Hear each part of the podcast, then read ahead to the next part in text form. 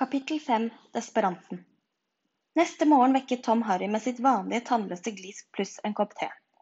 Harry kledde på seg holdt akkurat på å overtale en gretten Hedvig til å komme seg tilbake i buret da Ronny smelte opp døra og kom inn med en genser halvveis over hodet og et irritabelt uttrykk i fjeset. Jo før vi kommer oss på toget, jo bedre, sa han. På Galtvort kan jeg i hvert fall slippe å se Perry. Nå beskylder han meg for å dryppe te på fotoet hans av Pernille Klarvang. Du vet, sa Ronny med en grimase. Kjæresten hans. Hun har gjemt huet bakom ramma fordi hun har fått skjolder på nesa. Jeg har noe å fortelle deg, begynte Harry, men der ble de avbrutt av Fred og Frank, som stakk hodet inn for å gratulere Ronny med å ha gjort Perry rasende igjen. De gikk ned til frokost, herr Wiltersen satt og leste Aftenprofeten med rynket panne, og frue Wiltersen fortalte akkurat Gulla Hermine om en kjærlighetsdrikk hun hadde lagd som ungpike. Alle tre var nokså fnisete. Hva var det du skulle si, spurte Ronny mens de satte seg. Etterpå, mumlet Harry, da Perry kom stormende inn. I kaoset før avreise fikk ikke Harry noen sjanse til å snakke med Ronny eller Hermine. Alle hadde det for travelt med først å få slept koffertene ned den trange trappa i den lekke heksekjell, og deretter stablet dem sammen ved inngangen med budene til Hedvig og Hermes Perris tårnugle balanserende på toppen. En liten flettekurv sto ved siden av koffertberget og freste høyt. Så så seg kurret Hermine gjennom flettingen. Du skal få slippet på toget. Ikke snakk om, bjeffet Ronny. Hva med stakkars Skorpus, kanskje? Han pekte på brystet sitt, hvor en stor kul røpte at Skorpus hadde krøllet seg sammen i lomma. Herr Wiltersen hadde stått utenfor og ventet på departementsbilene, men nå stakk han hodet inn. De er her, sa han. Kom igjen, Harry. Herr Wiltersen marsjerte ved siden av Harry det lille stykket over fortauet til den nærmeste av to gammeldagse mørkegrønne biler. Begge ble kjørt av trollmenn med fordektig mine og smaragdgrønn fløyelsdress. Inn med deg, Harry, sa herr Wiltersen og skottet i begge retninger langs den myldrende gata. Harry satte seg i baksetet og fikk snart selskap av Hermine, Ronny og til Ronnys ergelse Perry. Turen til Kings Cross stasjon var nokså uspennende sammenlignet med Harrys tur med fnattbussen. Magidepartementets biler virket nærmest helt vanlige, selv om Harry la merke til at de kunne sno seg gjennom luker som onkel Viktors nye firmabil så visst ikke hadde greid. De var framme på stasjonen med 20 minutters klaring. Departementssjåførene fant trillevogner til dem, lesset av koffertene, tok seg til hattene for fru Wiltersen og kjørte sin vei. Uvisst hvordan greide de å smette forrest i en stillestående bilkø foran trafikklyset. Herr Wiltersen holdt seg tett ved Harry hele veien inn på stasjonen. Jaha, sa han og tok et overblikk over dem. Siden det er så mange av oss, gjør vi dette parvis. Jeg går først, sammen med Harry.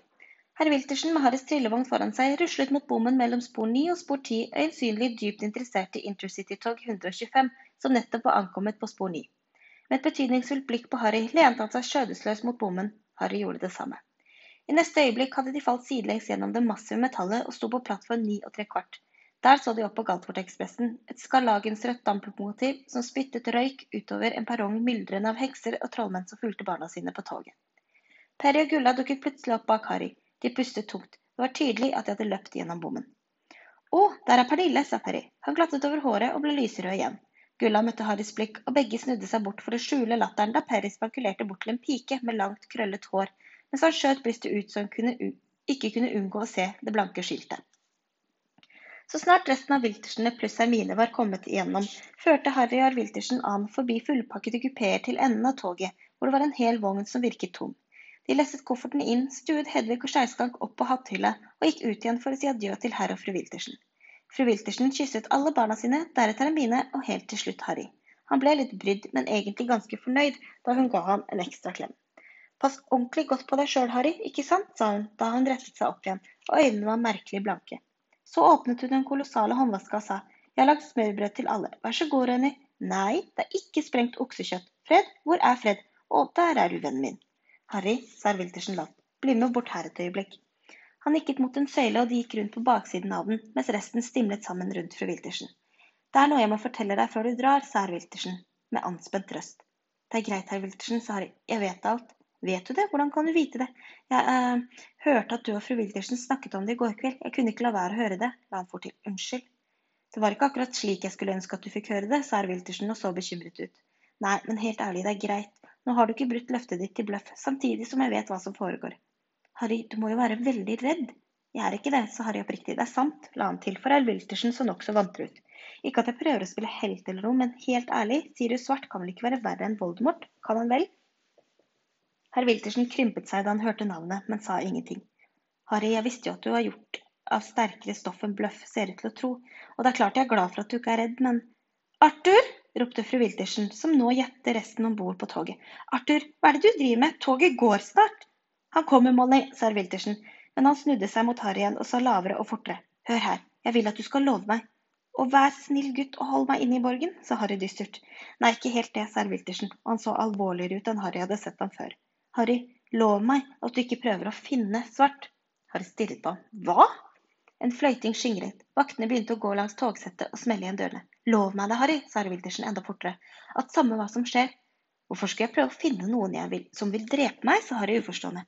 Lov meg at hva du måtte få høre. Fort, Arthur! ropte fru Wiltersen. Dampen bølget opp fra lokomotivet, og toget hadde begynt å røre seg.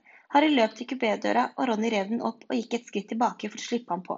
De lente seg ut av vinduet og vinket til herr og fru Wiltersen til toget kjørte rundt en sving og de ikke kunne se dem mer. Jeg må snakke med dere alene, mumlet Harry til Ronny og Hermine mens toget satte opp farten. Gå vekk, Gulla, sa Ronny. Nei, så hyggelig, sa Gulla snurt og trampet sin vei.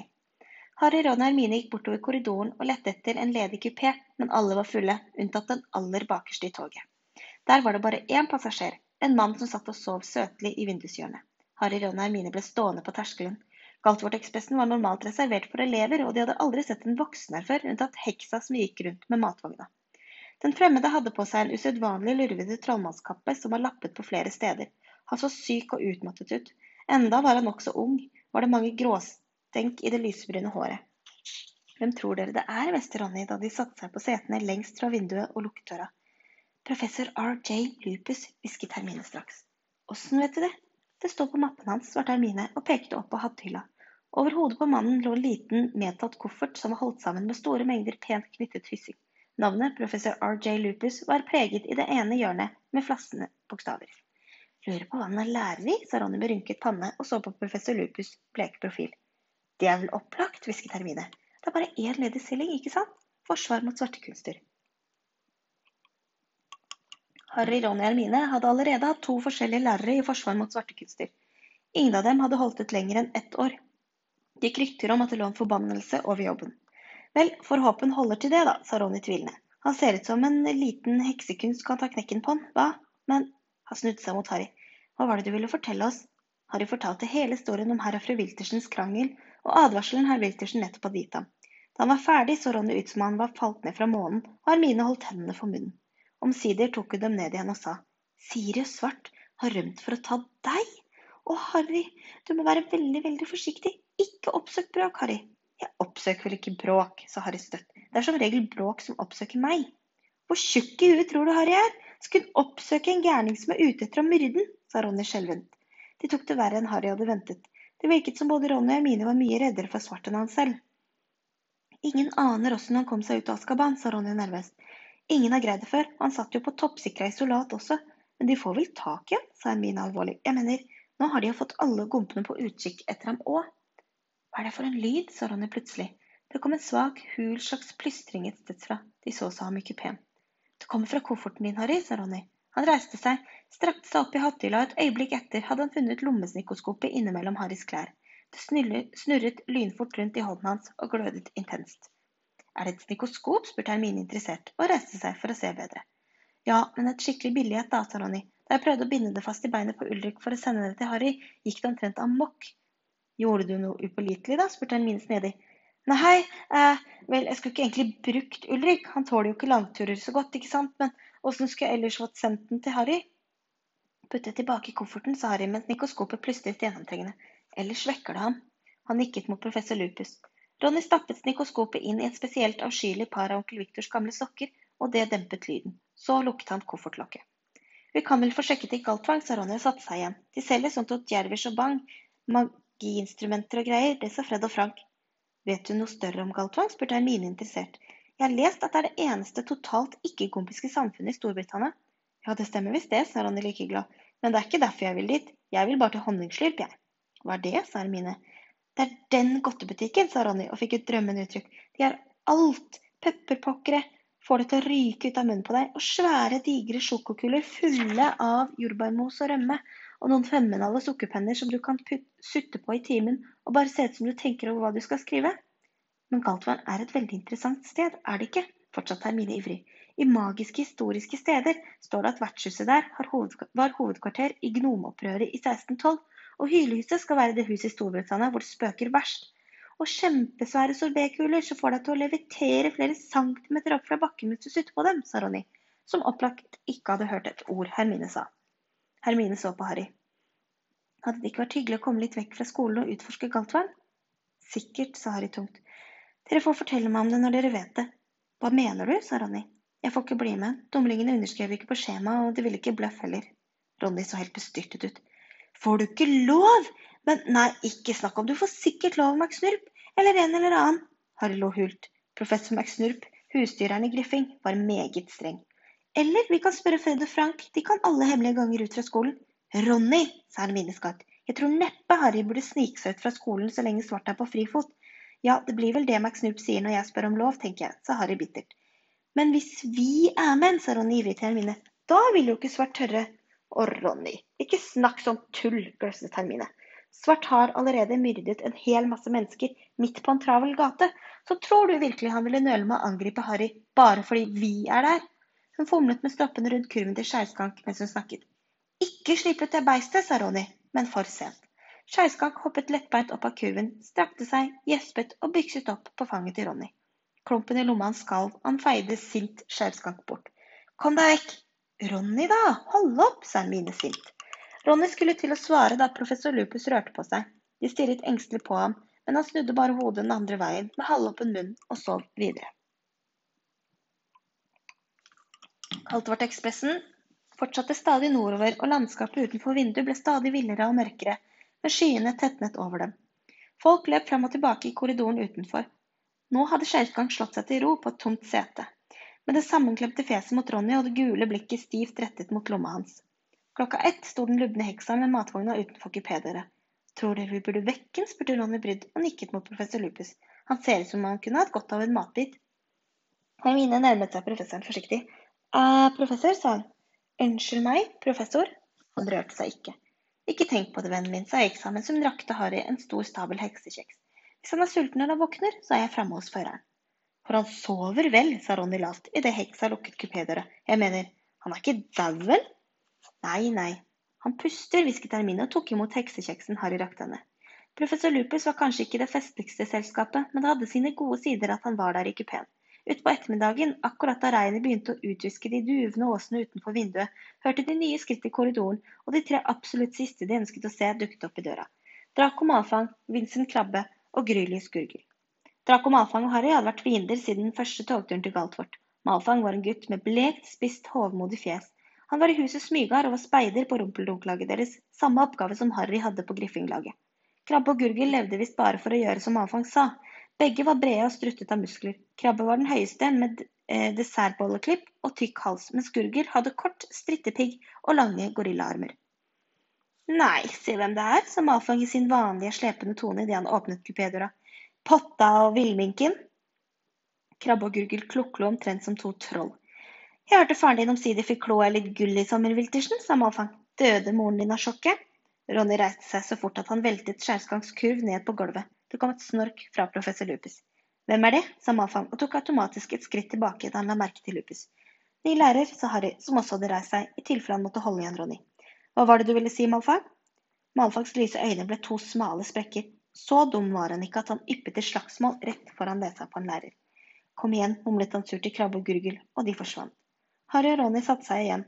Ronny masserte knokene i sinne. Dette året har jeg, tenkt, har jeg, ikke tenkt å ta imot noe dritt fra Malfang, sa han sint. Jeg mener det. Hvis han kommer med ett spittord til om familien min, skal jeg ta godt tak i huet på ham og Ronny gjorde vold, en voldsom gest i lufta. Ronny! hvisket Hermine og pekte på professor Lupus. Pass deg litt! Men professor Lupus sov like godt.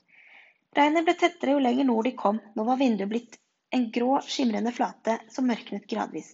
Omsider vokste et flakkende lysskjær rundt lampene langs korridoren og over hattehyllene. Toget klapret, regnet hamret, vinden brølte, men professor Lupus sov like godt. Vi må være der snart, sa Ronny og lente seg fram for å se forbi professor Lupus ut av det beksvarte vinduet. Ikke før hadde han sagt ordene, for toget begynte å sakne farten. Feminalt, sa Ronny. Han reiste seg og gikk forsiktig forbi professor Lupus for å prøve å se ut. Jeg sulter i hjel snart. Jeg kan nesten ikke vente på festen. Og maten.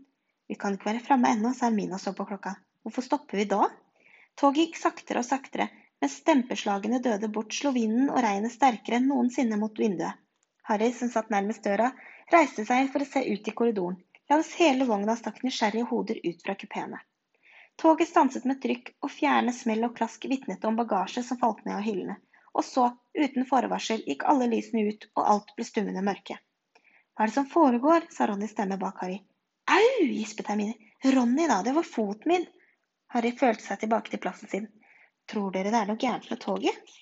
Vet ikke. De hørte en hvinende lyd, og Harry så det utydelige svarte omrisset av Ronny som tørket dugg av vinduet og myste ut. Det er noe som beveger seg der ute, sa Ronny. Jeg tror det er noe som kommer på.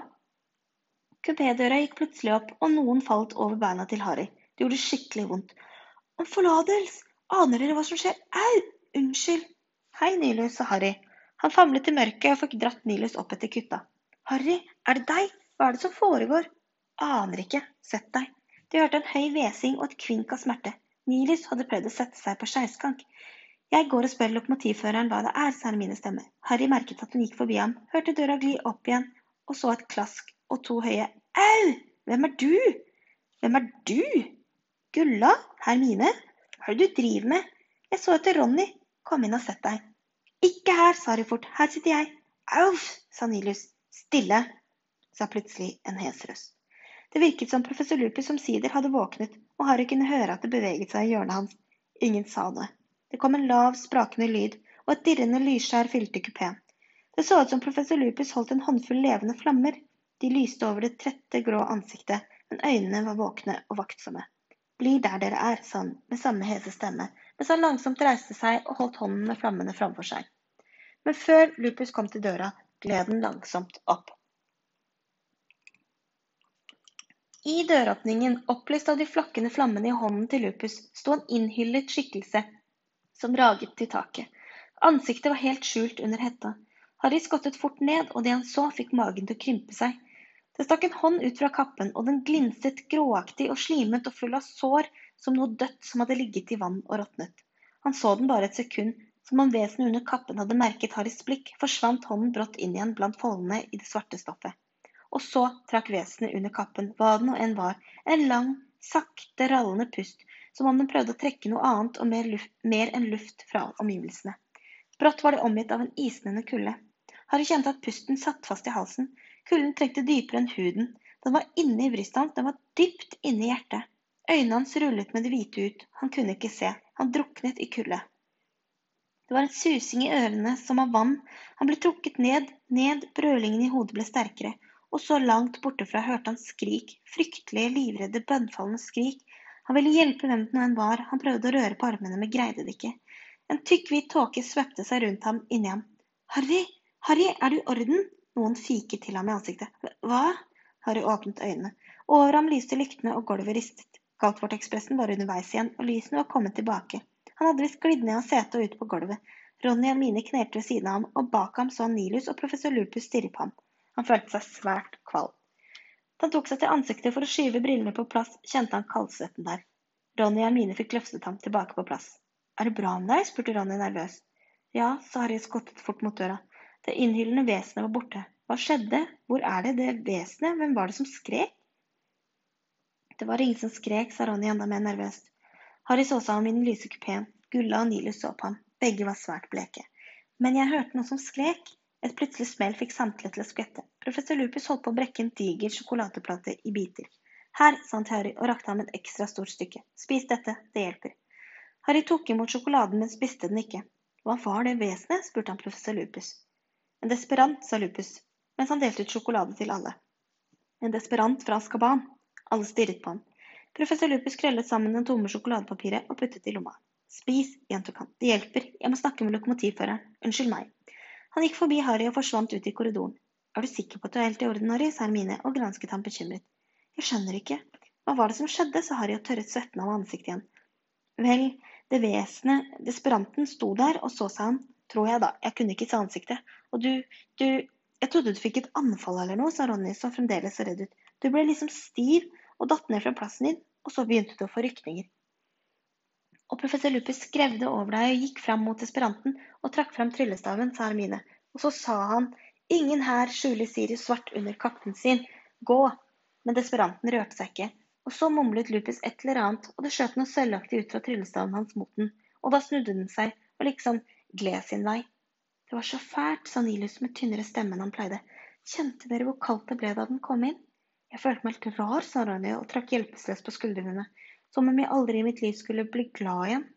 Det kom et hiks fra Gulla, som krøp sammen i hjørnet og så nesten like sjaver ut som Harry følte seg. Hermine gikk bort og la armene trøstende om henne. Men var det ingen av dere som som falt ned av setet, sa Harry brydd. Nei, sa Ronja så bekymret for Harry igjen, men Gulla skalv som en gærning. Harry skjønte ingenting. Han følte seg svak og skjelven, som om han var på bedringens vei etter et hardt influensaangrep, og i tillegg begynte han å føle en slags skam. Hvorfor hadde han falt helt sammen når ingen andre hadde det? Professor Lupus var tilbake. Han ble stående litt da han kom inn og så seg ham, og sa med et lite smil. Jeg har ikke forgiftet den sjokoladen, altså. Harry tok en bit, og til sin overraskelse merket han at varmen plutselig spredde seg helt ut til tærne og fingertuppene. Vi er framme ved Galtvort om ti minutter, sa professor Lupus. Går det bra med deg, Harry? Harry spurte ikke hvordan professor Lupus visste navnet hans. Helt fint, mumlet han forlegent. Det ble ikke snakket stort resten av turen. Endelig stoppet toget på Galtvang stasjon, og det ble en, et lurveleven for å komme av. Ugler tutet, katter mjauet, og Nilus skjærepadde kvekket høyt under hatten hans. Det var iskaldt på den ørlille stasjonen, regnet sto ned som kaskader av is. Førsteklassinger, den og vei, ropte en kjent stemme. Harry, Ron og Hermine snudde seg og så Gygrid kjempemessige silhuett i den andre enden av perrongen, der han vinket til seg en skokk tilsynelatende livredde nye elever til den tradisjonelle båtturen over sjøen.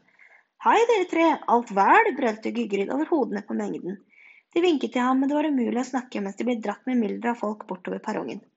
Harry, Ronny og Hermine fulgte resten av skolen ut til en humpete grusvei, hvor minst 100 diligenser ventet på resten av elevene. Så vidt Harry kunne skjønne, måtte det være usynlige hester som trakk den, for ikke før var de kommet oppi og hadde lukket døra, før vogna satte i gang av seg selv og føyde seg skumpende og svaiende til vogntoget. Vogna luktet svakt av mugg og strå, og Harry følte seg bedre etter sjokoladen, men fortsatt skjelven. Ron og Hermine skottet stadig på ham fra siden, som om de var engstelige for at han skulle falle sammen igjen. Da vogna trillet mot en fantastisk smijernsport flankert av to steinsøyler med vingede villsvin på, fikk Harry øye på to nye høye, innhyllede desperanter som sto vakt på hver sin side. En bølge av kald kvalme truet med å overvelde ham igjen, og han lente seg tilbake og lukket øynene til de hadde kjørt gjennom porten. Vogna satte farten opp i den siste slakke skråningen opp til borgen. Hermine lente seg ut det ørlille vinduet for å se på de mange spirene og tårnene som nærmet seg. Omsider stanset vogna, og Hermine og Ronny gikk ut. Da Harry også kom ut, hørte han en slepende, fornøyd stemme rett i øret. Besvimte du, Potter? Snakker Langballe sant? Du besvimte virkelig? Malfag albuet seg foran Hermine og sperret veien for Harry opp steintrappa til borgen. Ansiktet var frydefullt, og de lyse øynene glitret av ondskap. Stikk, Malfang, sa Ronny gjennom sammenbitte tenner. Besvimte du også, Wiltersen? sa Malfang høyt. Ble du også redd for den store, stygge desperanten Wiltersen? Er det noe i veien? spurte en mild røst. Professor Lupus hadde akkurat kommet ut av vogna etter. Malfang sendte professoren et uforskammet blikk som dvelte ved lappene på kutta og den medtatte kofferten. Med aldri så lite sarkasme i stemmen sa han. Å nei da, eh, professor. Han smilte fett i krabbe og gurgel og gikk foran dem opp trappa. Hermine dyttet Ronny ryggen for å få ham til å sette opp farten, og de tre blandet seg med skokken som svermet opp trappa, gjennom de svære eikedørene og inn i den gigantiske inngangshallen som var opplyst med flammende fakler. Derfra førte en storslagen marmortrapp oppover etasjene. Døra til storsalen sto åpen til høyre. Harry fulgte resten ditover, men hadde ikke mer enn så vidt fått et glimt av det forheksede taket, som i kveld var svart og stormende da en stemme ropte. Potter, Grang, jeg vil snakke med dere begge. Harry Hermine snudde seg overrasket. Det var professor McSnurp, lærer i transfigurasjon og husstyrer på Griffing, som ropte over hodene på mengden. Hun var en bistert utseende heks som alltid gikk med håret i en stram knute, og de skarpe øynene var innrammet av firkantede briller. Harry kjempet seg vei bort til henne med bange anelser. Professor McSnurp hadde en egen evne til å få ham til å føle at han hadde gjort noe galt. Dere trenger ikke se så bekymret ut, jeg vil bare ha et ord med dere på mitt kontor, sa han. Wiltersen, du kan bare gå videre. Ronny glodde mens professor McSnurp førte Harry og Hermine bort fra den snadrende gjengen. De fulgte henne gjennom inngangshallen, opp marmortrappa og bort en gang. Da de var kommet inn på kontoret hennes, et lite rom med et stort, hyggelig bål på peisen, gjorde professor McSnurp tegn til at Harry og Hermine skulle sette seg. Selv satte hun seg bak skrivebordet og sa brått. Professor Lupus sendte en ugle i forveien for å fortelle at du ble dårlig på togturen, Potter. Før Harry rakk å svare, lød en lav banking på døra, og skolens oldfrue, madame Pommes frites, kom travende inn. Harry merket at han ble rød i fjeset. Det var ille nok at han hadde svimt av, eller hva det nå var han hadde gjort, om ikke alle skulle lage så mye oppstyr om det. Det er bra med meg, sa han, jeg trenger ikke… Å jaså, er det deg, sa madame Pommes frites, som overhørte dette helt og bøyde seg ned og gransket ham inngående. Du har vel gjort et eller annet farlig igjen nå, da? Det var en desperant pussy, sa professor McSnoop. De vekslet et mørkt blikk, og madame Pommes frites smekket misbillingene med tunga. Sett ut desperant rundt skolen, hørt slikt, mumlet hun mens hun skjøv luggen til Harry tilbake og kjente på pannen hans. Han er ikke den første som kollapser. Jo, han er helt våt. Det er, nok, det er noen avskyelige skapninger, og den virkningen de har på folk som allerede er litt ømtålige. Jeg er aldeles ikke ømtålig, sa Harry ergerlig. Selvsagt er du ikke det, sa madame Pommes frites åndsfraværende mens hun tok pulsen hans. Hva er best for ham? spurte professor Maxim kontant. Søvn og hvile? Burde han tilbringe natta på sykestua? Det er ikke noe i veien med meg, sa Harry og spratt opp. Tanken på hva Dracomalfang ville si hvis han måtte på sykestua, var ren tortur. Vel, han burde iallfall få litt sjokolade, sa, madame Pommes frites, som nå prøvde å se inn i øynene hans. Jeg har fått alt, sa Harry. Professor Lupus ga meg litt, han ga til alle. Gjorde han det nå, sa madame Pommes frites anerkjennende. Så endelig har vi fått en lærer i forsvar mot svartkunster som vet hva som skal til. Er det sikkert at du føler deg helt bra, Potter? sa professor McSnurp skarpt. Ja, sa Harry. Vel, vel, vent utenfor mens jeg får et ord med frøken Grang om timeplanen hennes, så kan vi gå ned til festen sammen. Harry gikk ut på gangen igjen sammen med madame Pommes frites, som straks forsvant mumlende i retning sykestua. Han behøvde bare å vente et par minutter før Hermine kom ut. Hun så svært så fornøyd ut over et eller annet. Sammen med professor McSnurp og, all... og alle tre gikk nedover marmortrappa og inn i storsalen. Den var et hav av spisse, svarte hatter. Hver side av de lange husbordene var fullsatte av elever med ansikter som skimret i lysene fra tusener av talgly som svevde i lufta over bordene. Professor Pirrevimp, en ørliten trollmann med en såta hvitt hår, gikk akkurat ut i hallen med en eldgammel hatt og et trebeint krakk. Å, sa Hermine lavt, vi gikk glipp av valget. Nye elever på Galtvort ble utvalgt til de forskjellige husene ved å ta på seg valghatten, som ropte ut hvilket hus de passet best i. Griffing, Ravnklo, Håsblås eller Smygard. Professor McSnurp marsjerte opp til sin tomme plass ved lærebordet, mens Harry og Hermine gikk i motsatt retning mot Griffingbordet, så stille som mulig. Folk snudde seg og kikket på dem der de gikk bakerst i salen, og enkelte pekte på Harry. Hadde historien om besvimelsen hans og desperanten virkelig spredd seg så fort? Han og Hermine satte seg på hver sin side av Ronny, som hadde holdt av plasser. Hva var det hun ville? mumlet han til Harry. Harry begynte hviskende å forklare, men akkurat da reiste rektor seg for å tale, og han tidde. Professor Humlesnurr var svært gammel, men ga alltid inntrykk av enorm energi. Han hadde en halvmeter langt sølvhår og skjegg, halvmånebriller og en helt usedvanlig skjev nese. Han ble ofte omtalt som samtidas største trollmann, men det var ikke derfor Harry hadde respekt for ham. Det var umulig å la være å stole på Albes Humlesnurr, og der Harry satt og så på at han strålte mot elevene sine, følte han seg helt rolig for første gang siden desperanten kom inn i kupeen. Velkommen, sa Humlesnurr, og skjæret fra vokslysene glitret i skjegget. Velkommen til et nytt år på Galtvort. Jeg har et par ting å si til dere alle, og siden en av dem er svært alvorlig, tror jeg det er best å få den unnagjort før dere blir omtåket av vår herlige måltid. Humlesnurr kremtet grundig før han fortsatte.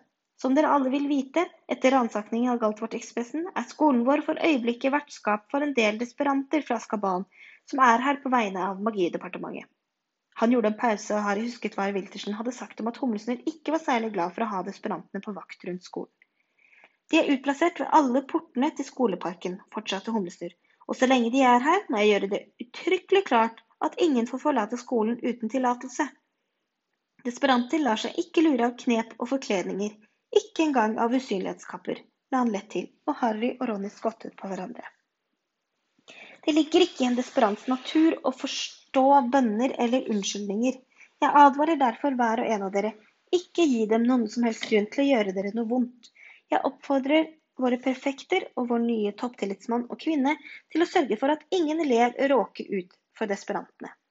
Perry, som satt noen plasser bortenfor Harry, skjøt brystet fram igjen og så seg betydningsfullt om.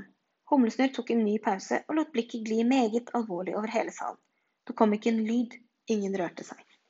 For å fortsette med noe hyggeligere, sa han, gleder det meg å kunne ønske to nye lærere velkommen blant oss i år. Den første er professor Lupus, som har vært så vennlig å påta seg å overta stillingen som lærer i forsvar mot svartekunster. Det kom litt spredt, ikke særlig begeistret applaus. Det var bare dem som hadde delt kupé med professoren på toget som klappet energisk, og Harry blant dem. Professor Lupus så sørgelig loslitt ut ved sida av de andre lærerne i sin beste kutter. Se på Slur, hveste Ronny i øret på Harry. Professor Slur, lærer i eleksir, stirret på professor Lupus over bordet. Det var allment kjent at Slur var ute etter svartekunstnerjobben, men selv Harry, som ikke kunne fordra Slur, ble forbløffet over uttrykket som forvred det smale, gustne fjeset. Det var langt hinsides sinne, det var avsky, det var et uttrykk Harry kjente bare så altfor godt, det var det uttrykket Slur fikk hver gang han fikk øye på Harry. Hva vår andre nyutnevnelse angår, fortsatte Humlesnurr, da den sparsomme applausen for professor Lupus døde bort. Vel, så beklager jeg måtte meddele at professor Kedelbrenn, vår lærer i stell av magiske vesener, gikk av med pensjon etter avslutningen av siste skoleår, for å få litt bedre tid i samvær med sine resterende kroppsdeler. Imidlertid gleder det meg å kunne opplyse at hans plass vil bli fylt av ingen annen enn Rubeus Gygrid, som har påtatt seg oppgaven som lærer, i tillegg til sine skogvokterplikter. Harry, Ronny og Hermine stirret målløse på hverandre. Så falt de inn i klappsalene som var øredøvende, særlig fra Griffingbordet. Harry bøyde seg fram for å se Gygrid, som var rubinrød i fjeset og satt og glodde ned på de svære nevene sine med et bredt smil, som riktignok ble borte i det flokete, svarte skjegget. Klart vi skulle visst det, brøt Ronny og hamret i bordet. Hvem andre ville sendt deg bok som beit? Harry, Ronny og Mine var de siste som holdt opp å klappe. Da Humlesnurr begynte å snakke igjen, så de at Gygrid tørret øynene med bordduken. Vel, jeg tror det var alt av betydning, sa Humlesnurr. La festen begynne. Gulltallerkenene og begrene foran dem ble plutselig fylt av mat og drikke. Harry, som like plutselig var skrubbsulten, tok for seg av alt innen rekkevidde og begynte å spise. Det var en fabelaktig fest. Salen gjenlød av prat, latter og klapringen av kniver og gafler. Men Harry, Ronny og Hermine kunne nesten ikke vente til den var over, så de fikk prate med Gygrid. De visste hvor mye det måtte bety for ham å få bli lærer. Gygrid var nemlig ingen fullkvalifisert trollmann. Han var blitt utvist fra Galtvort i tredje klasse for en forbrytelse han ikke hadde begått. Det var Harry, Ronny og Hermine som endelig hadde fått bevist hans uskyld så sent som i fjor. Omsider hadde de siste restene av gresskartertene smeltet bort fra gulltallerkenene. Humlesnurr ga beskjed om at det var sengetid, og så fikk de endelig sin sjanse. Gratulerer, Gygrid, hvinte Hermine da de kom fram til lærebordet. Det kan jeg takke dere tre for, sa Gygrid og tørret det skinnende ansiktet med servietten mens han så på dem. Kan ikke tro det, en stor mann Humlesnurr kom rett ned til meg i hytta når professor Kedelbrenn sa at han hadde fått nok. Det er dette jeg alltid ønska meg. Så ble han overveldet av følelser og begravde ansiktet i servietten, og professor McSnurp føyset dem i vei. Harry, Ron og Hermine følte seg plutselig helt utslitte da de fulgte resten av griffingene som strømmet opp marmortrappa bortover flere ganger og opp stadig nye trapper, til de kom til den hemmelige inngangen til Griffingtårnet. Et digert portrett av en trinn dame i rosa kjole spurte passord? Slipp meg fram, slipp meg fram, ropte Perry fra bakerst i flokken. Det nye passordet er Fortuna Major. Å nei, sa Nilus Langbaltist, han greide aldri å huske passordene. Inn gjennom portretthullet og tvers gjennom oppholdsrommet bar det, og der skiltes jentene og guttene og forsvant opp hver sin trapp. Harry klatret opp vindeltrappen uten, uten en tanke i hodet, bortsett fra den ene, at det var deilig å være tilbake. De kom til den velkjente runde sovesalen med de fem himmelsengene, og Harry så seg om og følte at han endelig var hjemme. Kapittel 6 Clairvoyance og klør da Harry, Ron og Hermine kom inn i storsalen til frokost neste morgen, var det første de så Draco Malfang, i ferd med å underholde en stor gruppe smygardinger med en fabelaktig morsom historie. Da de gikk forbi, mimet Malfang et latterlig besvimelsesanfall, og det kom et brøl av latter. Overse ham, sa Hermine, som kom rett etter Harry. Lat som du ikke ser det. Det er ikke verdt det. Hei, Potter, hylte Petra Parkassen, en smygarjente med fjes som en mops. Potter, desperantene kommer! Potter! Uh! Harry datt ned på en plass ved griffingbordet ved siden av Frank Wiltersen. Nye timeplaner for tredje klasse, sa Frank og rakte ham igjen. Hva er det som feiler deg, Harry? Malfang, sa Ronny da han satte seg på den andre siden av ham og skulte bort på smygarbordet. Frank så opp akkurat tidsnok til å se Malfang late som han besvimte av skrekk en gang til. Den lille tufsen, sa han rolig. Han var ikke fullt så kjekk i går kveld da desperantene var i våren av toget. Kom løpende inn i kupeen vår, gjorde den. Ikke sant, Fred? Pissa omtrent på seg, sa Fred med en foraktelig blikk på Malfang. Jeg var ikke så høy i hatten sjøl, sa Frank. Skikkelig fæle greier, de desperantene. Liksom de får hele innmaten å fryse til is, hva, sa Fred. Men dere svimte ikke av, gjorde dere vel? sa Harry med lav stemme. Hei, glem det, Harry, sa Frank oppmuntrende. Fattern måtte dra til Askaban en gang, husker du det, Fred? Og han sa det var det verste stedet han hadde vært. Helt hvit og skjelven var han da han kom tilbake. Det sånne desperante gjør, det er at de suger ut all gleden der de er, de fleste av fangene blir gærne mens de sitter der. Men nå får vi snart se hvor glad Malfang ser ut etter den første Rumpeldunk-kampen, sa Fred. Griffing mot Smygard, sesongens første kamp. Har du glemt det? Den eneste gangen Harry hadde møtt mavfang i en rumpelomkamp, var det definitivt malfang som hadde kommet verst fra det. Harry følte seg straks litt bedre og forsynte seg med pølser og stekte tomater. Hermine studerte sin nye timeplan. Å, flott, vi begynner med noen nye fag i dag, sa han fornøyd. Hermine, sa Ron og rygget pannen som så over skulderen på henne. De har tulla med timeplanen din. Se, de har skrevet opp omtrent ti forskjellige fag hver dag. Så mye tid fins ikke. Å, det går nok, jeg ordnet alt sammen med professor McSnurp. Men se da, sa Ronny og lo. Ser du nå i formiddag? Klokka ni, clairvoyance. Og under der står det klokka ni, kompologi. Og Ronny bøyde seg vantro ned for å se timeplanen bedre.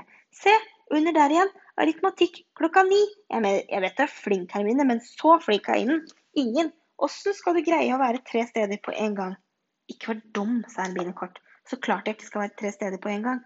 Nei, nettopp, men Send marmeladen, sa Hermine. Men Og Ronny, hva bryr du deg om jeg får det litt travelt, bjeffet Hermine. Jeg har jo sagt at jeg har ordnet det med professor McSnurp. Akkurat da kom Gygrid inn i storsalen. Han hadde på seg den lange molskinnsfrakken og svingte åndsfraværende med en død ilder i den ene digre hånden. Allting ok, sa han ivrig og stanset på veien til lærebordet. Jeg skal ha dere i den aller første timen min, rett etter lunsj. Jeg har vært oppe siden klokka fem, jeg. Jeg gjorde ferdig ting. Håper det går bra. Tenk, meg som lærer. Jøsse navn. Han smilte bredt til dem og forsvant i retning lærebordet, fortsatt svingende med ilderen. Lurer på hva det er han har gjort ferdig, sa Ronny med en viss engstelse. Salen begynte å tømmes mens folk gikk til sin, sine første time.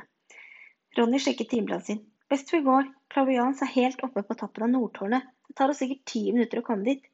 De gjorde seg ferdig med frokosten i en fart, sa ha det til Fred og Frank og gikk samme veien tilbake gjennom salen. Da de gikk forbi smygardbordet, mimet Malfang en ny besvimelse.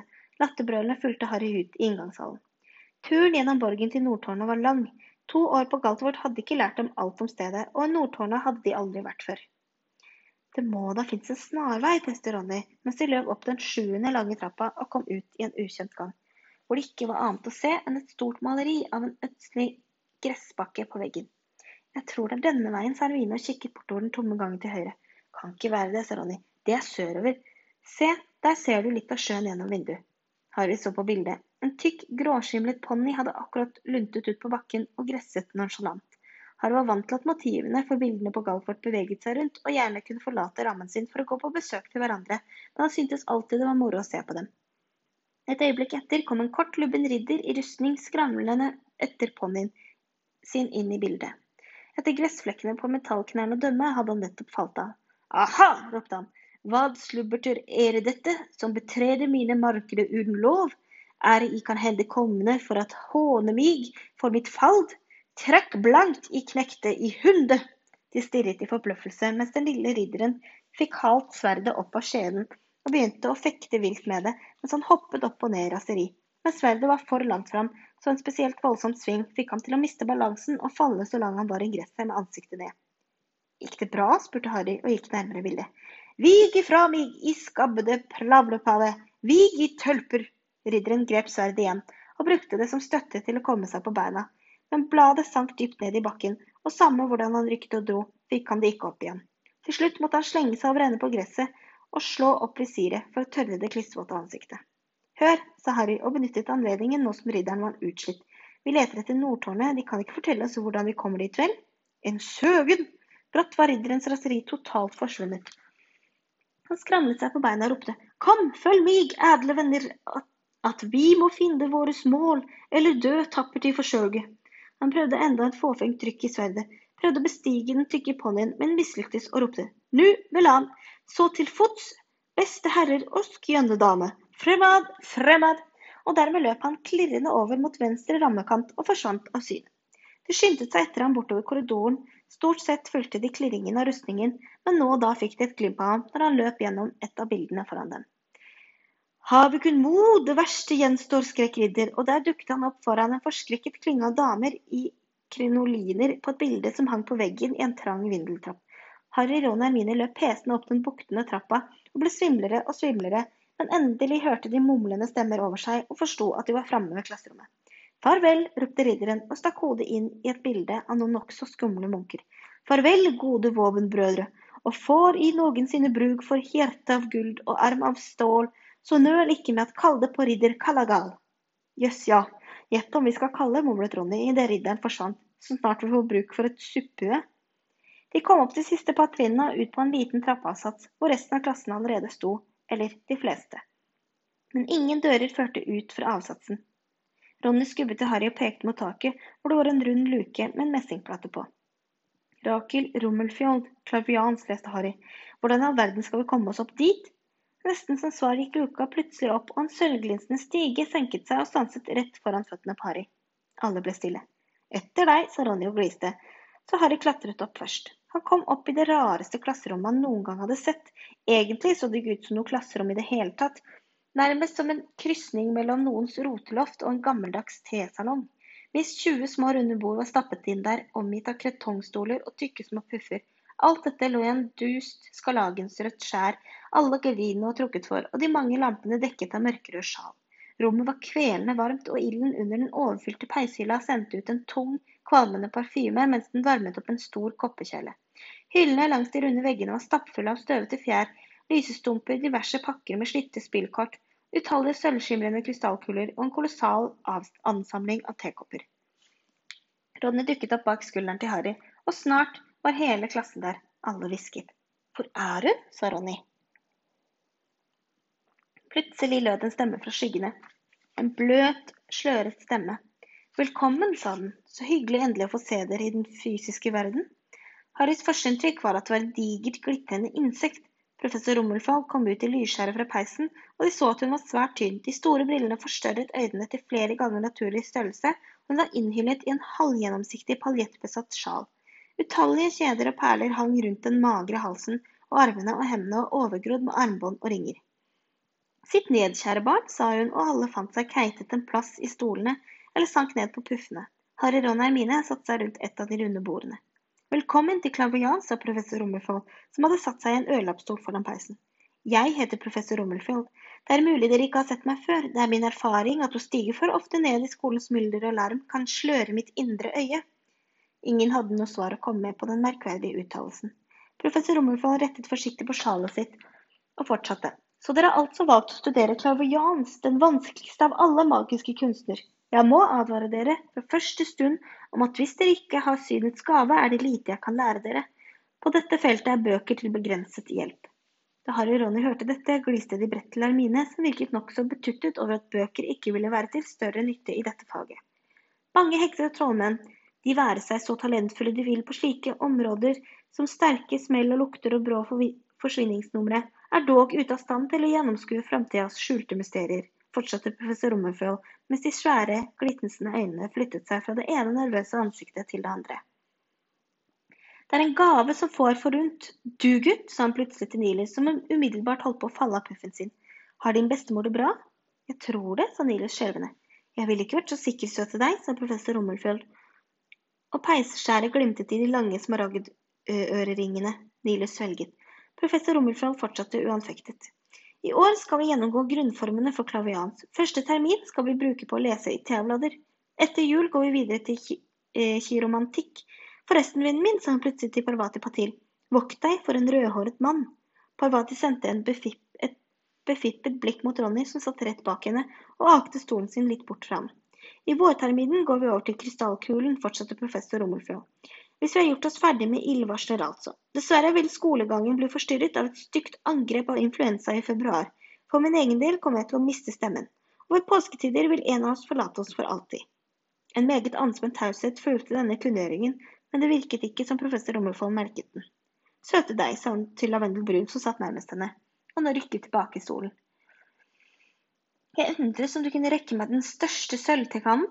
Lavendel så rettet ut, reiste seg, tok, ned, tok ned en enorm tekanne fra hylla og satte den på bordet foran professor Rommelfjord. Mange takk, vennen min. Forresten, det du er så redd for, det vil skje fredag den 16. oktober. Lavendel skalv. Og nå vil jeg at alle skal dele seg opp parvis. Hent en tekopp fra hylla og kom til meg, så skal jeg fylle den. Teen skal dere drikke. Drikk opp alt til bare bladene er igjen. Rør dem rundt i koppen med venstre hånd tre ganger, og vend deretter koppen opp ned på skålen.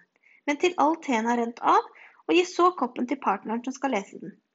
Dere skal tolke mønstrene i henhold til side fem og seks av Lys gjennom framtidas tåker. Jeg kommer til å gå til og fra og hjelpe til å instruere. Og søte deg, hun grep Nilus i armen idet han ville reise seg. Når du har knust den første koppen, vil du være så snill å velge en av de blåmønstrede neste gang. Jeg er så glad i de rosa. Og riktig nok. Nilus hadde ikke før kommet bort til hylla med tekopper, for alle hørte klirringen av knust porselen. Professor Rummelfeld seilte fort bort til ham med kost og sa, altså, en av de blå, vennen min, om du ikke har noe mot det. Takk, takk. Da Harry og Ronny hadde fått fylt tekoppene sine, gikk de tilbake til bordet og prøvde å drikke opp den skålhete teen fort. De rørte tebladene rundt slik professor Rummelfeld hadde sagt, helte av det siste flytende og byttet kopp. Ok, sa Ronny mens de begge åpnet bøkene på side fem og seks. Hva ser du i min? Noe brunt og klissete nå, sa Harry. Den tunge parfymelufta fikk ham til å føle seg søvnig og sløv. Åpne sinnet, søte dere, la øynene skue forbi det timelige, sa professor Rummelfjord høyt gjennom tussmørket. Harry prøvde å ta seg sammen. Vel, du har noe som minner om et kors, sa han og konsulterte lyset gjennom framtidas tåker. Det betyr at du kommer til å oppleve prøvelser og lidelser. Beklager, men her er det noe som kanskje kan være sola. Vent litt. Det betyr stor lykke, så du kommer altså til å lide, men være veldig lykkelig. Du burde gå og få sjekka det indre øyet ditt, spør du meg, sa Ronny og så måtte begge prøve å kvele latteren da professor Rummelfold så i deres retning. Min tur. Ronny myste ned i Harrys tekopp og anstrengte seg så han fikk rynker over hele pannen. Det er en klatt der som ser litt ut som en bowlerhatt, sa han. Kanskje du får jobb i Magidepartementet? Han snudde tekoppen den andre veien. Men denne veien ser det ut som en kongle. Hva betyr det? Han skummet gjennom lys gjennom framtidens tåker. Uventet hell, uventet gull. Flott, da kan du låne meg litt. Og det der, det er noe. Han dreide på koppen igjen som ser ut som et dyr, i hvert fall hvis det er huet. Ser ut som en flodhest. Nei, en sau? Professor Rummelfold snurret rundt da Harriet sprutet ut til latter. La meg se, søte deg, sa hun irettesettende til Ronny. Kom seilende og snappet Harrys kopp ut av hånden på ham. Alle ble stille og fulgte med. Falken, vennen min, du har en dødelig fiende. Men det vet jo alle, hvisket Hermine høyt. Professor Rummelfold stirret på henne. Ja, men de gjør det, sa Hermine. Alle vet om Harry og han du veit. Harry og Ronny glodde på henne med en blanding av forbløffelse og beundring. Slik hadde de aldri hørt Herbine snakke til en lærer før. Professor Rummelfold valgte å la være å svare. Hun lot de svære øynene synke ned i Harrys kopp igjen, og fortsatte å dreie på den. Kløveret, et angrep. Nei og nei, dette er ingen lykkelig kopp. Nei, jeg trodde det var en bowlerhatt, sa Ronny fåret. Hodeskallen, en fare på vei, vennen min. Alle stirret hypnotisert på professor Rummelfold, som dreide en siste gang på koppen og gispet, og skrek. Det kom en ny klirring av knust porselen. Nilus hadde knust sin kopp nummer to. Professor Rummelfjord sank ned i en ledig lenestol med den glitrende hånden over hjertet og lukkede øyne. Min stakkars gutt, min stakkars, stakkars gutt, nei, det er bedre for deg om jeg tier. Nei, ikke spør meg. Hva er det, professor? spurte Tommy Ding straks. Alle hadde reist seg, og langsomt stimlet de sammen. Om bordet hvor Harry og Ronny satt og sto tett rundt stolen til professor Rommelfjold for å få en god titt på Harrys kopp. Vennen min, professor Rommelfjold, slo øynene dramatisk opp. Du har Grimmen. Har hva? sa Harry. Han kunne se at han ikke var den eneste som ikke forsto det. Tommy Dink så på ham og trakk på skuldrene, og lavendel Brun så spørrende ut, men nesten alle de andre slo hendene for munnen av forskrekkelse. Grimmen, vennen min, Grimmen! utbrøt professor Rommelfjord, som sto helt sjokkert utover og at Harry ikke visste det. Den svære spøkelseshunden som hjemsøker kirkegårder. Min stakkars kjære gutt, det er et varsel. Det verste varselet. Om død. Magen til Harry gjorde et hopp. Den hunden på omslaget av dødsvarsler i snirkel og blekk. Hunden i skyggene i magnoliakroken. Nå slo Lavendel Brun også hånden for munnen. Alle stirret på Harry. Alle unntatt Hermine, som hadde reist seg og gått rundt bakom stolen til professor Rummelfjold. Jeg synes ikke det ser ut som en grim, sa han kontant. Professor Rummelfjord studerte Hermine med en voksende motvilje. Tilgi at jeg sier det søte deg, men jeg sanset svært lite aura omkring deg, svært liten mottagelighet for framtidas resonanser. Jokum finner man skakket på hodet fra den ene siden til den andre. Det ser ut som en grimlis at den gjør sånn, sa han med nesten lukkede øyne, men herifra ser det mest ut som et esel, sa han og bøyde hodet til venstre. Hvis alle snart er ferdige med å finne ut om jeg skal dø eller ikke, sa Harry og forbløffet til og med seg selv, nå var det visst ingen som ville se på ham. Jeg tror vi avslutter timen for denne gang, sa professor Rummelfjord med sin mest slørete stemme. Ja, rydd bort tingene dere har brukt, er dere søte. Klassen kom taust bort til eh, professor Rummelfjord med tekoppene, ryddet sammen bøkene og lukket veskene. Selv Ronny unngikk Harrys blikk. Hell og lykke være med dere til vi møtes igjen, sa professor Rummelfjord tynt. Og vennen min? Hun pekte på Nilus. Siden du kommer for sent neste gang, må du passe ekstra godt på å ta igjen de andre. Harry, Ronny og Hermine gikk ned professor Rummelfjolds stige og vindeltrappa i taushet for å gå til professor McSnurps trafikkurasjonstime. Det tok dem så lang tid å finne klasserommet hennes at enda så tidlig de hadde gått fra klavians, var det så vidt de rakk det. Harry fant seg en plass bakerst i klasserommet. Han følte seg som om han satt i et spesielt skjærende spotlys. Resten av klassen tittet ustanselig på ham i smug, som om de ventet på at han skulle falle død om hvert øyeblikk.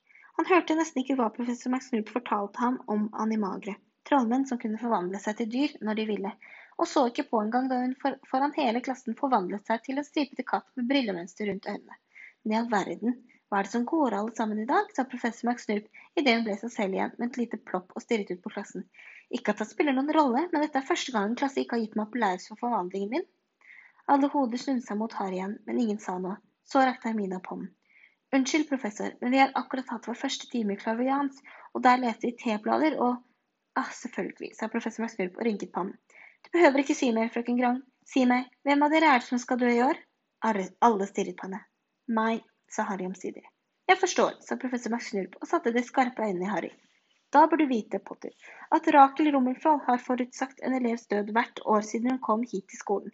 Ingen av dem har dødd foreløpig. Dødsvarsler er hennes normale åpningshilsen til en ny klasse. Hadde det ikke vært for at jeg aldri baksnakker mine kollegaer? Professor McSnurp tidde brått og de så at neseborene hennes var blitt hvite. Så fortsatte hun litt roligere. Klavians er en av de mest upresise greinene av magien. Jeg skal ikke legge skyld på at jeg har svært lite til overs for den. Virkelige seere er uhyre sjeldne, og professor Romfjord, hun tidde igjen, og så sa hun i en nøktern tone, så vidt jeg kan se, ser du svært frisk og sunn ut, Potter. Så ha meg unnskyldt om jeg ikke lar deg slippe lekser i dag. Jeg lover at hvis du dør, skal du få slippe å levere dem. Hermine lo. Harry følte seg litt bedre. Det var vanskeligere å være redd for en klatt teblader når en ikke satt i den røde uh, satt i det røde tussmørket og den bedøvde parfymen i klasserommet til professor Rommelfjord. Men ikke alle var like overbevist. Ronny så fremdeles bekymret ut, og Lavendel hvisket. Men hva med koppen til Nilus? Da transfigurasjonstimen var over, ble de med i flokken som dundret ned til storsalen for å spise lunsj. Opp med hodet, Ronny, sa Hermine og skjøv et fat med ragout mot ham. Du hørte hva professor McSnurp sa. Ronny øste opp ragout på tallerkenen sin og løftet gaffelen, men begynte ikke å spise. Harry, sa han med lav, alvorlig stemme, du har ikke sett en diger svart hund hos deg, vel? Jo, faktisk, sa Harry, jeg så den den kvelden jeg gjemte fra dumlingene. Gaffelen falt klirrende ut av hånden på Ronny. Sikkert en løsbikkje, sa Hermine rolig. Ronny stirret på henne som om hun var blitt gal.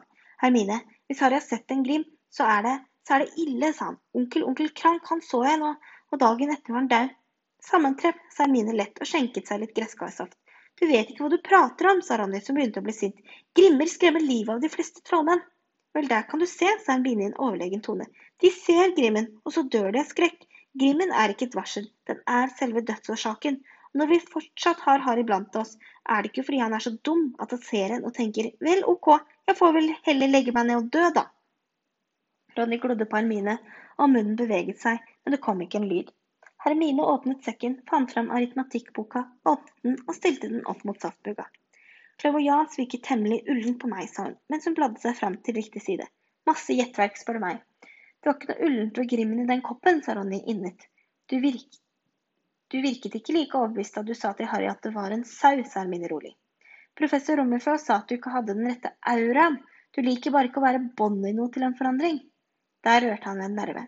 Hermine smelte aritmantikkboka i bordet så hardt at kjøtt og gulrotbiter sprutet. Hvis å være god i klavians betyr at jeg skal være nødt til å se dødsvarsler i en klump T-blader, så spørs det om jeg kommer til å følge det faget stort lenger. Den timen var det rene vrøvl sammenlignet med aritmatikktimene mine. Og dermed snappet hun skolesekken og marsjerte ut. Ronny så etter henne med rynket panne. Hva er det hun våser om, sa han til Harry. Hun har ikke engang hatt noen aritmatikktimer ennå. Det var godt å komme ut av borgen etter lunsj, syntes Harry. Gårsdagens regn hadde klarnet opp. Himmelen var klar og blekgrå, og gresset fuktig og fjærende da de gikk til sin første time i stell av magiske vesener. Ronny og Hermine var ikke på talefot. Harry gikk ved siden av dem i taushet nedover gresskråningen til Gygvids hytte i utkanten av den forbudte skogen. Det var først da han la merke til tre altfor velkjente rygger foran dem, at han skjønte at de øyensynlig skulle ha disse timene sammen med smygardingene. Malfang pratet livlig til Krabbe og Google som kluklo. Harry var temmelig sikker på at han visste hva de pratet om. Gyglyd ventet på, på klassen ved døra til hytta, iført måleskinnsfrakken og med villsvinhunden Hogg i hælene.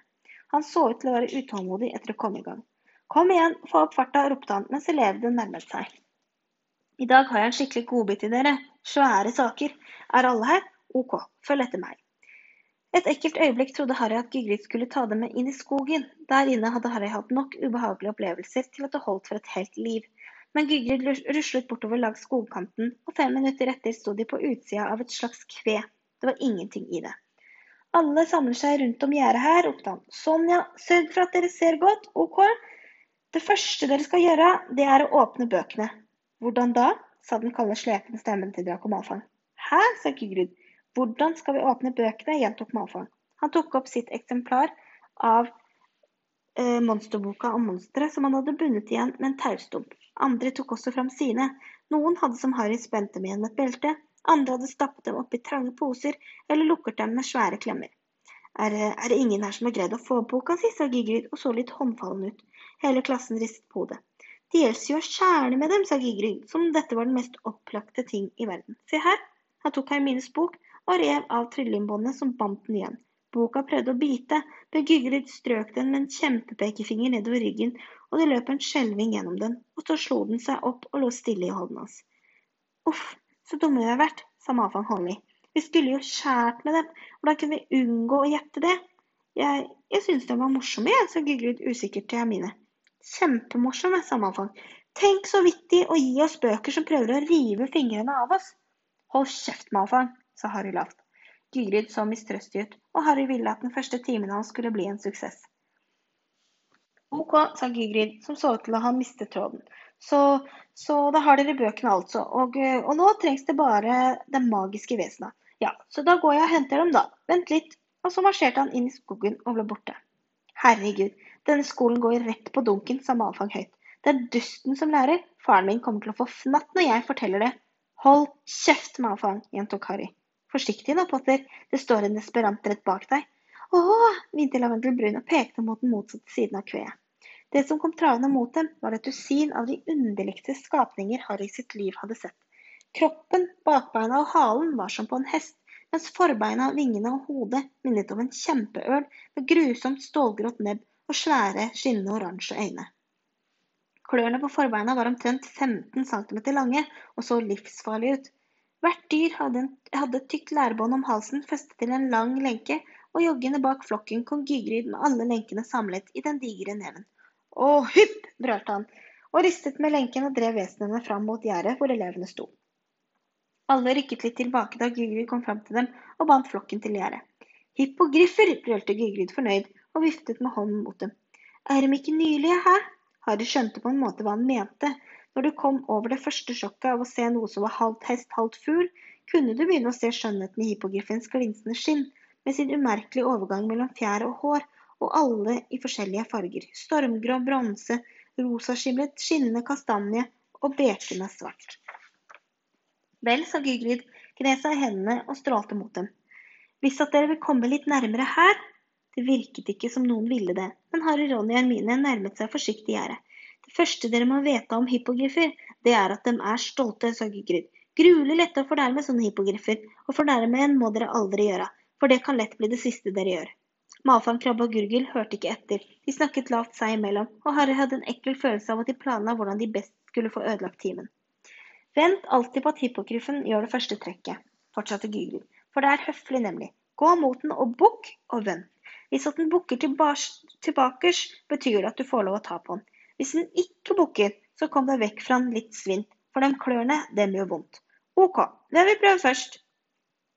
Svaret var at de fleste av elevene rygget enda lenger bak. Selv Harry, Ron og Hermine følte seg ikke helt trygge.